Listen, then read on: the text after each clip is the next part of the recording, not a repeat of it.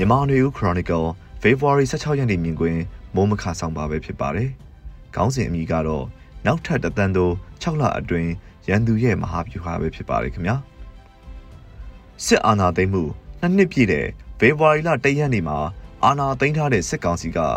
ကာလုံလို့ခေါ်ဆိုတဲ့အစည်းအဝေးလုပ်ပြီးစစ်အာဏာသိမ်းပြီးနောက်ပထမဦးဆုံးအကြိမ်အဖြစ် အာဏာမသိမ်းမီကာလအခြေအနေနဲ့အာဏာသိမ်းပြီးနောက်နှစ်နှစ်တာကာလအတွင်းအခြေအနေတချို့ကိုရှေ့လျားတဲ့တင်ပြချက်တွေနဲ့တင်ပြအပြီးတက်တန်း6လထပ်တိုးဖို့ကိုကာလုံနာမည်ခံပြီးဆုံးဖြတ်စီခဲ့တာဖြစ်ပါတယ်။အဲ့ဒီကာလမတိုင်ခင်အထိရွေးကောက်ပွဲကိုစီစဉ်ထားတဲ့အတိုင်းလုံတော့မဲ့အရေးအယောင်တွေပြထားပြီးမြဲဖေဖော်ဝါရီလ၁ရက်နေ့မှာတော့အထက်ပါအတိုင်း6လသက်တမ်းတိုးပြီးလက်ရှိနာဆာကအဖွဲ့ကိုနောက်ထပ်6လသက်တမ်းတိုးဖို့ဆုံးဖြတ်လိုက်တာဖြစ်ပါတယ်။ဒီလို6လ တက်တန်းတိုးလိုက်ပြီးနောက်ရက်မှာပဲမြို့နယ်38မြို့နယ်ကိုစစ်အုပ်ချုပ်ရေးကြီးညာတာတွေလုပ်ခဲ့ပြီးကုန်ခဲ့တဲ့နှစ်နှစ်တာအတွင်းစစ်အုပ်ချုပ်ရေးကြီးညာခဲ့တာတရားစင်လောက်သာရှိခဲ့ပေမဲ့ယခုလိုတက်တန်းတိုးပြီးနောက်မှာ38မြို့နယ်ကိုကြီးညာလိုက်တာကိုကြည့်ရင်စစ်ရေးအရှိန်မြင့်ဖို့ရည်ရွယ်ချက်ကိုသိတာထင်ရှားစေပါတယ်။စစ်ရေးအရှိန်တိုးမြင့်ဖို့ရည်ရွယ်တာမှန်ပေမဲ့မြေပြင်မှာဖြစ်နေတဲ့အခြေအနေတွေကစစ်ကောင်စီရဲ့စိုးမိုးထိန်းချုပ်ထားနိုင်တဲ့နေမြေတွေ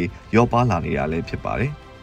ယခုလိုစစ်အုပ်ချုပ်ရေးကြီးညာခြင်းဟာစစ်ရေးနယ်မြေတွေအသာစီးရဖို့ရည်ရွယ်လှုပ်ဆောင်တာထက်ကိုပိုပြီးဖိနှိပ်အုပ်ချုပ်မှုတွေလုပ်ဖို့ရည်ရွယ်တာဖန်စီဖန်ခံရသူတွေကိုပြင်းပြင်းထန်ထန်အပြစ်ပေးတာတွေလုပ်ဖို့ရည်ရွယ်တာလို့ခံမှန်းရပါတယ်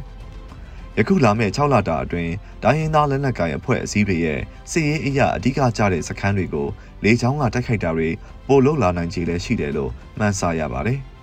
စစ်ကောင်စီအနေနဲ့ PDF တွေကိုလက်နက်နဲ့တနန်းတွေပေးနေတဲ့တာရင်သားလက်နက်ကိုင်အဖွဲ့တွေရဲ့ပင်မစခန်းတွေကိုပြစ်မှတ်ထားပြီးတိုက်ခိုက်တာမျိုးတွေတိုးလို့လာနိုင်ခြေရှိပါတယ်။တစ်ဖက်မှာနယ်မြေတွေစကိုင်းတိုင်းမကွေးတိုင်းကချင်ပြည်နယ်ကရင်ပြည်နယ်တို့ကကားလမ်းရေလမ်းတွေကိုကောင်းကောင်းမထိန်ချုပ်နိုင်လို့မြေပြင်စစ်စင်ရေးထက်လေကြောင်းကတိုက်ခိုက်မှုကိုသာဘိုးအားကိုးလာမဲ့လက္ခဏာတွေလည်းတွေ့နေရတာဖြစ်ပါတယ်။ယခုလိုကာလတွေမှာစစ်ကောင်စီဖြုတ်ချရေးဥတီတက်ခိုက်နေကြတဲ့ လက်နက်ကိုင်အင်အားစုတွေအနေနဲ့တစ်ဖက်ရန်သူရဲ့မဟာဗျူဟာကိုအကဲဖြတ်ပြီးမိမိတို့ရဲ့အားသာချက်စန့်ကျင်ဘက်လက်နက်ကိုင်အင်အားစုတွေရဲ့စုစည်းမှုရှိတဲ့မဟာဗျူဟာနီးဗျူဟာတွေနဲ့တိုက်ခိုက်တုံ့ပြန်နိုင်မှုလည်းအရေးကြီးလာပါတယ်။ရန်သူစစ်ကောင်စီလက်နက်ကိုင်တပ်တွေပြိုလာဖို့လှုံ့ဆော်တာစ조사တာမျောလင့်ခြင်းဟာမမားတော့လေဒီလိုစစ်ကောင်စီတပ်ပြိုကွဲဖို့ထက်ရန်သူမဟာဗျူဟာနီးဗျူဟာတွေကိုတုံ့ပြန်နိုင်ယူမဲ့မိမိတို့ဘက်ကမဟာဗျူဟာကပိုအရေးကြီးတာလည်းဖြစ်ပါတယ်ခင်ဗျာ။